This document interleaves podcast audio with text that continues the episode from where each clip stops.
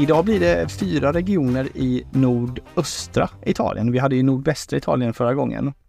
Och då är det Trentino, Friuli, Veneto och Emilia-Romagna som är eh, de fyra regionerna.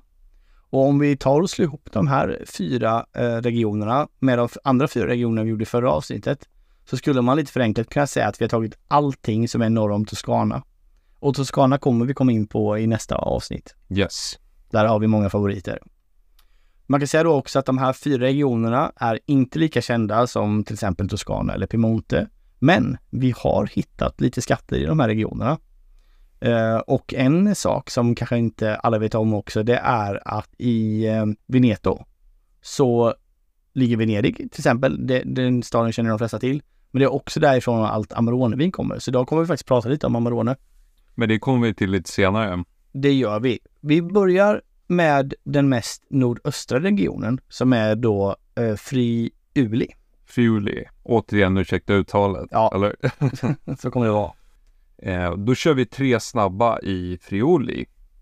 Eh, orangevinet kan spåras tillbaka till 8000 år tillbaka i tiden till Georgien. Men eh, föddes på nytt i just Friuli som eh, ligger i nordöstra Italien som du var inne på. Mm. Och det var på 90-talet som eh, det här orangevinet nådde stora framgångar i regionen. Orangevinet är precis vad det låter som. Ett orange vin som tros likna de första vinerna som gjordes. Det är gjort på gröna druvor. Dock låter man druvskalen vara med i jäsningen. Eh, och det gör man ju inte när man gör ett vitt vin, utan då brukar man ju eh, ta bort skalen ganska omgående eller direkt. Och i det orangea vinet då så låter man skalen ligga med och de lockar därför ur tanniner, vilket också ger vinet den orangea färgen. För det är i druvskalen som den här strävheten kommer ifrån och även färgen kommer ifrån. Viner. Just det. Och det, vi har druckit den där också, eller hur? Ett orangevin ja. Ja. Och det var ju från Slovenien tror jag. Ja. Och det ligger ju där omkring Ja. i eh, nordöstra. Det är lite öststatsvibbar på, på... Du nämnde ju Georgien innan också. Ja, och det är ju där man tror att det första vinet gjordes. Just det. En kul grej med, jag var ju i Piemonte här förra veckan. Emellan avsnitten kan man säga. Emellan avsnitten, Mm. exakt. Där är det ju superhett med slovenska fat. Okej. Så eh, antingen finns ju fransk ek, Mm. eller det finns för massor med sorter, men fransk ek är ju en, en, eh, en het kandidat. Mm. Men nu är det mycket slovenska fat som eh, är inne, stora rackare. Mm. Som jag skulle säga att 80% av de jag var på eh, använde. Jaha, okej. Spännande. Fram till början av 1900-talet var Friuli inte en del av Italien utan tillhörde det Habsburgska imperiet. Det vill säga, Jag kan inte min historia. nej, det var egentligen det här eh, österrikiska liksom, imperiet som härskade och röjde. Okej. Som fanns innan första världskriget. Ja. Men det är en ganska ny del av Italien med andra ord. Ja. Och till sist eh, så är Frugliano är en av de mest odlade druvorna i området och förknippas ofta med regionen. Just det, precis. Och vi drack då ett vin därifrån. Vi drack just den druvan som är den mest odlade druvan, eh, Friuliano. Och eh, vinet heter då No Name Friuliano och det, här reagerar man ju på en gång för just etiketten så står det verkligen så här No Name. Och du kommer förklara snart varför. Eh, och den sticker ju verkligen ut för det är ofta mer då som vi pratade om i första avsnittet att det är nya värdenviner eh, som har de här lite mer roliga namnen eller vågar utmana lite. Ofta klassiska italienska viner och franska viner de har mer eh, avancerade namn som inte är så lockande. De tänk, tänker lite mer marknadsföringsmässigt i det här fallet. Exakt. Mm. Ehm, den ligger på 229 kronor då, den här No Name-flaskan. Vinobetyget är 3,9. Vi gav 3,8. Jag kommer ihåg, det, det är kul för vi, vi, vi har ju druckit många viner från Italien uppenbarligen. Och då var det så här, men den där drack vi det här då? liksom man måste komma ihåg, för den här dricker vi inte ikväll. Uh, vi dricker de andra vinerna ikväll, men inte just det här. Eh, och då kommer jag ihåg att du- då sa du så här, "Ja, men det var ju när du vaxade in din ytterdörr. Exakt. då bara, ah just det, okej, då kommer jag ihåg när det var. Så, så det förknippar vi med det. Jag kommer ihåg att det var absolut ett gott vin, men det har inte satt avtryck så pass mycket att jag har köpt igen. Nej, Nej. det var helt okej. Ja. ja. Vill du gå in lite på det här med eh, No name varför story. No No Name? Ja, men precis. Mm. Det är egentligen, det är ju ett eh, vinhus som heter Borgogno som eh, gör det här vinet och de ligger ju i Piemonte. Och jag var faktiskt och besökte just det vinhuset också, i vinkällaren där. Mm. Eh, ofta, jag antar att det är likadant i andra länder också, att man eh, huserar en viss region men tillverkar även viner på andra ställen. Mm. Så har de gjort i det här fallet. Men hela storyn med den här No Name-etiketten är att Borgogno utökade sin eh, vinkällare eh, och kom därmed över ett eh, jättestort fat med Nebbiolo i. Mm. Som du då tillverkar Barolo på. Och som vi tidigare var inne på i förra avsnittet så bör man ju skicka in eh, de här Barolo-vinerna till en kommitté som provar dem innan det får eh, kallas för Barolo. De ska helt enkelt godkänna det. Mm. Så för att kunna hantera det här jättefatet som de hade så fyllde de ner det i tre mindre ekfat, alltså ektunnor. Mm. Ja, det, det är lite mer billigt förklarat. Mm. Eh, varpå man skickade in de tre separat. Två av dem blev godkända som Barolo, men den tredje blev inte. Mm. Men det var samma vin Mm. i alla tre. Och då eh, lackade Borgogno-familjen eller ägaren, det är väl inte familjen som äger det just nu, men ägaren lackade ur för att det är så byråkratiskt att det är några italienska gubbar som sitter och bestämmer vad som är Barolo och inte. Och så, så är det ju verkligen. Det är ju den här DOCG-provningen också. Den är ju manuell. Det är ju Ja. verkligen ett gäng gubbar som sitter och provar. Ja. Och då, Och då, tyckte, och då kan det bli fel också. Ja. ja, och då tyckte de att så här, nej men det här är alldeles för fruktdrivet för att vara en Barolo eller Mm. vad de nu sa. Eh, och då valde man att degradera den vinsatsen till en DOC och kalla det för Nebbiolo helt Mm. enkelt. En Langenäbb ju. Ja, Lange Nebbiolo blir det. Eh, och eh, sålde den på marknaden som No Name med en protest mot det här Mm. eh, byråkratiska. Mm. Och lyckades extremt bra och idag är det en av de mest sålda flaskorna de har. Kan tänka Just det. av brandet. Mm. Och sen utökade man väl då serien i Frioli med en No Name därifrån. Just det, precis. Så då vet ni det. Vi som sagt, som vanligt så kommer vi länka de här flaskorna. Eh, så om ni vill köpa dem så finns länken i poddbeskrivningen. Och på Instagram så kan vi tyvärr inte länka, men vi kommer skriva beställningsnumret så man kan slå in det om man vill ha dem där. Ja. Ska vi hoppa över till eh, nästa region då? Ja. Som är Trentino. Yes! Tre snabba där. Tre snabba där. Då börjar vi med den första punkten och då har vi mer än 75 av vinerna är DOC-klassificerade, vilket är en mycket högre andel än i andra delar av Italien. Mm. Ska jag säga att vi pratar ju ofta om de här klassificeringarna, men jag skulle säga majoriteten i de flesta regionerna har inte det. Det är mer bordsvin. Mm. Men vi pratar ju mest om de här som har lite eh, högre standard. Mm. Eh, en av världens äldsta vinstockar som fortfarande ger frukt finns i den här regionen. Det är en stock till en druva man kallar Versoaln, om jag uttalar det rätt. Man tror att den är runt 350 år gammal, den här specifika vinstocken. Och det är det som är problemet många gånger, att det kommer sjukdomar och sånt som gör att de dör ut och de måste Jo. göra nya och sånt, så det är svårt att få de gamla. Mm. Men här, och det görs ju ett vin då på de här, Mm. eller den här specifika vinstocken. Antagligen inte helt gratis. Nej. Och sen är det inte 100% druvor från den vinstocken man blandar ut. Ja. Så Mm. det, man ska ha lite kontroll på smakerna och liknande. Mm. Eh, Trentino är också den absolut nordligaste regionen i Italien. Just det. Och då passade vi på att dricka ett vitt vin härifrån, en Riesling faktiskt. Och det är inte så konstigt egentligen, för rent geografiskt ligger det inte jättelångt ifrån. Men Österrike och Alperna och, och Riesling trivs ju i kallare klimat. Exakt. Vinet heter då Riesling Trentino. Har fått vinobetyg 4.0. Vi sänkte det lite till 3,9. Och det smakkaraktärer då är grönt äpple, päron och eh, ja, det är väl det man kan säga egentligen. Mm. Vi tyckte att det var, det var ganska kraftfullt det här vinet. För att vara ett vitt vin. Jag är lite, jag är ingen Riesling-fantast generellt. Jag tror- Nej, inte jag heller. det är, inte, det är ingen favorit sådär. Helt okej, ingenting att skriva hem om. Men om ni gillar Riesling så kan det här vara en kul story att testa från den här regionen. Ja, och jag tror bara spontana känslan var att det var lite eh, sting i Mm. jämfört med andra Riesling och lite mer tryck som du var inne på. Exakt.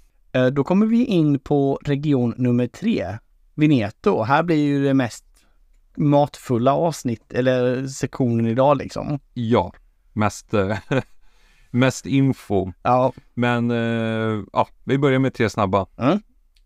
Veneto ligger som nummer två i antalet viner på Systembolaget, inklusive beställningssortimentet efter tidigare nämnda Piemonte, som vi pratade om förra avsnittet. Rent produktionsmässigt så brukar de ligga etta Mm. i Italien då. Så att det är ju en jätte vi snackar om. Eh, Veneto är mest känt speciellt i Sverige för sina Ar- Amarone-viner. Och Amarone kom faktiskt till genom att man försökte producera ett sötare vin som kallas för Ricciotto, om jag uttalar det rätt. Men man misslyckades och fick fram Amarone som produkt istället. Och det var väl en ganska bra boomning om man säger så, eftersom det blev värsta succén. mm, verkligen. I Veneto så är alla DOC och DOCG-viner blandningar. Till skillnad från den andra jätten norr, återigen Piemonte. I Piemonte så görs det ju oftast på en druva, till exempel Nebbiolo. Eh, men som sagt, i Veneto så är alla DOC och DOCG-viner, det vill säga de högst klassade vinerna, är blandningar. Just det. Ingen ren druva då. Amarone är lite intressant på så sätt att ehm, det är väldigt, väldigt populärt och speciellt som du säger i Sverige då. Och då är det, det som du säger då, den viktigaste druvsorten är Corvina, även fast det är en blandning. Och det speciella med eh, Amaroneviner, eh, som kanske man inte känner till, det är att druvorna måste torkas. Så man breder ut de här nyplockade druvorna på träskivor inomhus och låter vattnet dunsta bort så att druvorna skrumpnar. Och det innebär att smak och sockerkoncentrationen blir mycket hög och det gillar vi svenskar då. Och det är väldigt populärt i Sverige. Eh, Amarone står för 45% av all försäljning på Systembolaget som säljs över 150 kronor.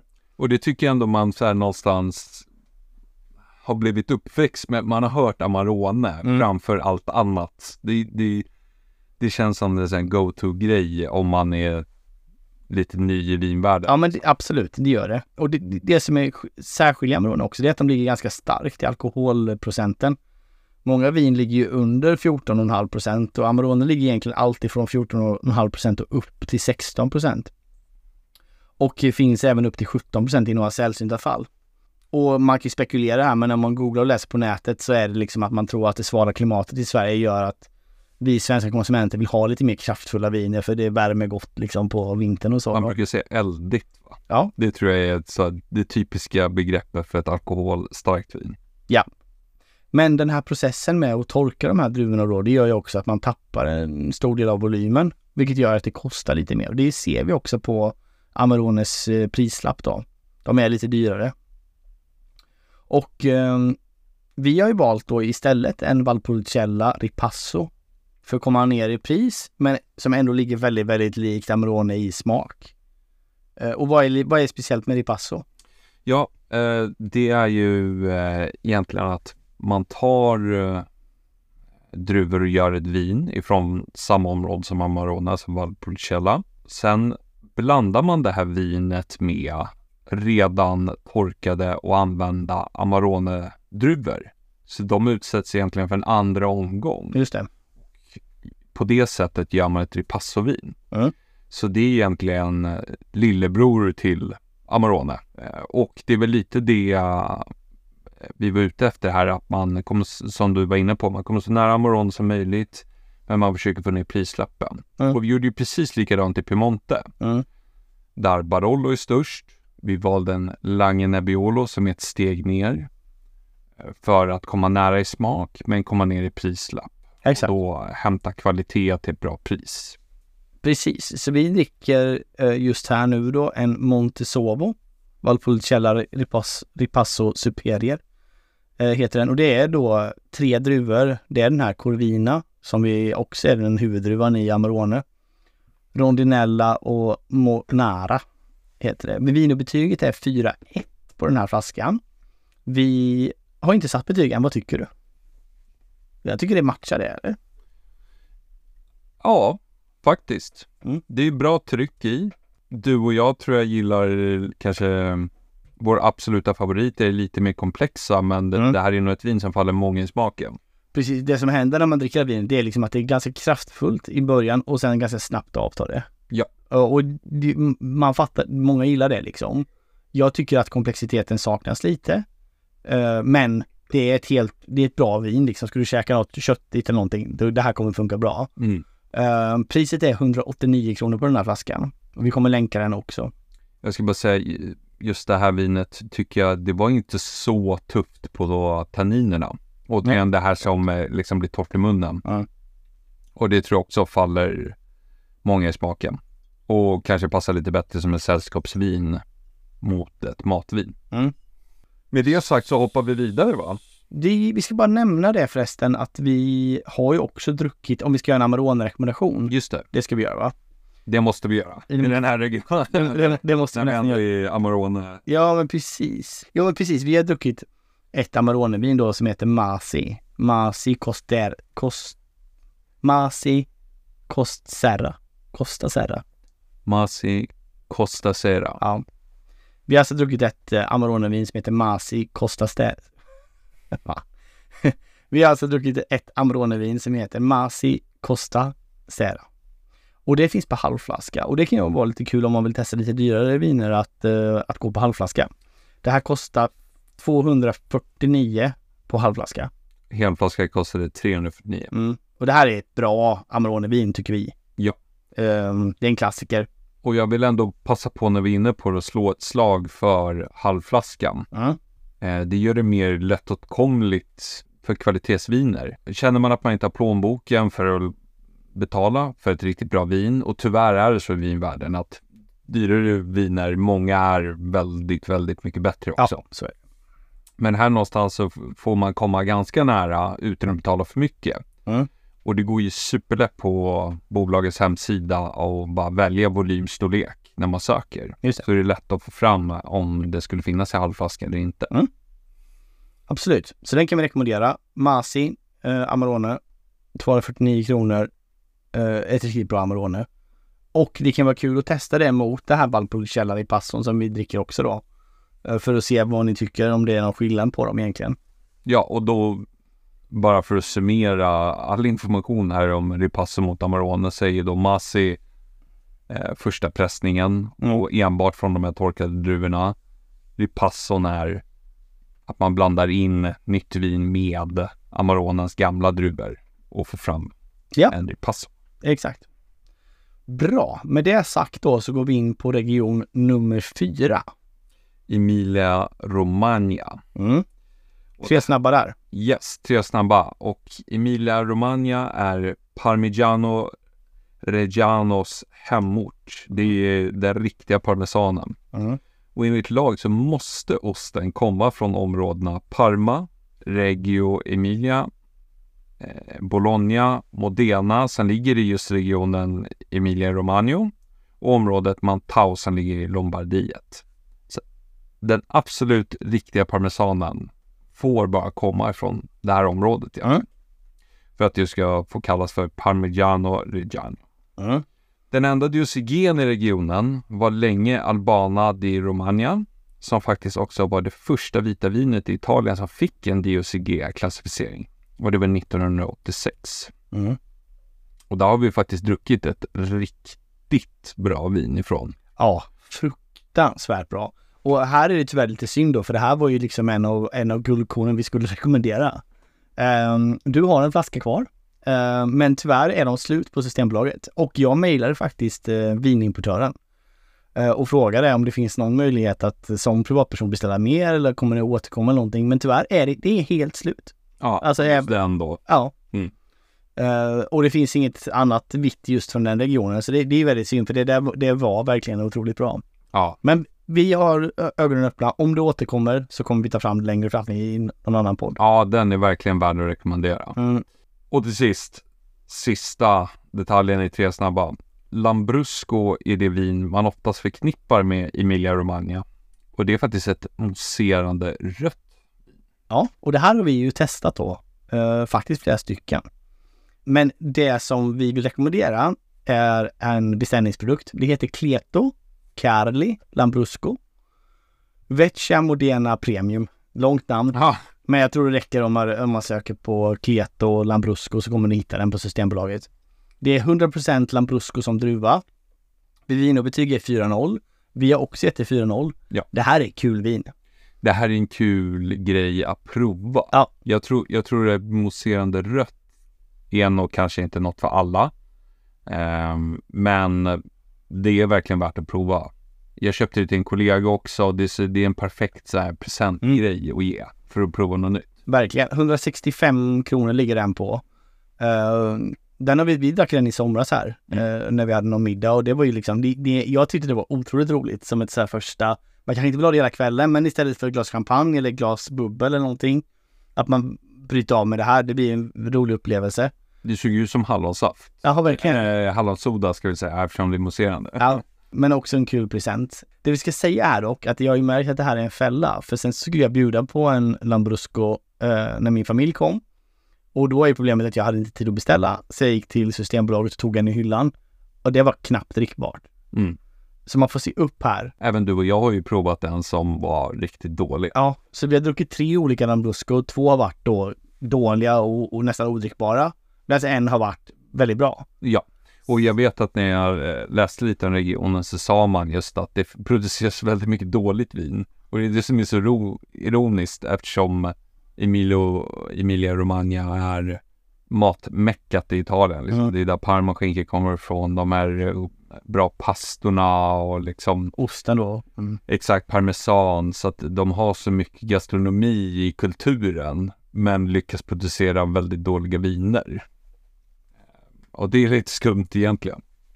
Ja, verkligen. Men det här måste ni testa. Det här, är, det här är kanske dagens starkaste rekommendation, skulle jag säga. Ja, för att den också är så otippat Ja. och lite utmanande. Exakt. Så Keto Lambrusco, vi kommer länka den eh, i avsnittsbeskrivningen om ni vill köpa den. Vi kan säga det också att följ oss gärna på Instagram. Vi försökte lägga upp lite tips där. Vi återger lite information från vad vi säger i podden. Man fick också följa dig lite på din resa i Piemonte. Ja, Se lite från, eh, se lite från vingårdarna där. Mm. Så in och följ oss där. Vi heter Vinjakten Podcast. Eh, om ni vill oss någonting så har vi vinjaktenpodcast at gmail.com. Så det är bara att skriva mejl. Vi tar jättegärna emot eh, feedback eller tips på olika saker. Eh, och sen så hörs vi helt enkelt i nästa avsnitt. Jajamän. Och då är det Toscana. Herregud, Det blir det mumma. blir mys. Okej, då tackar vi för idag.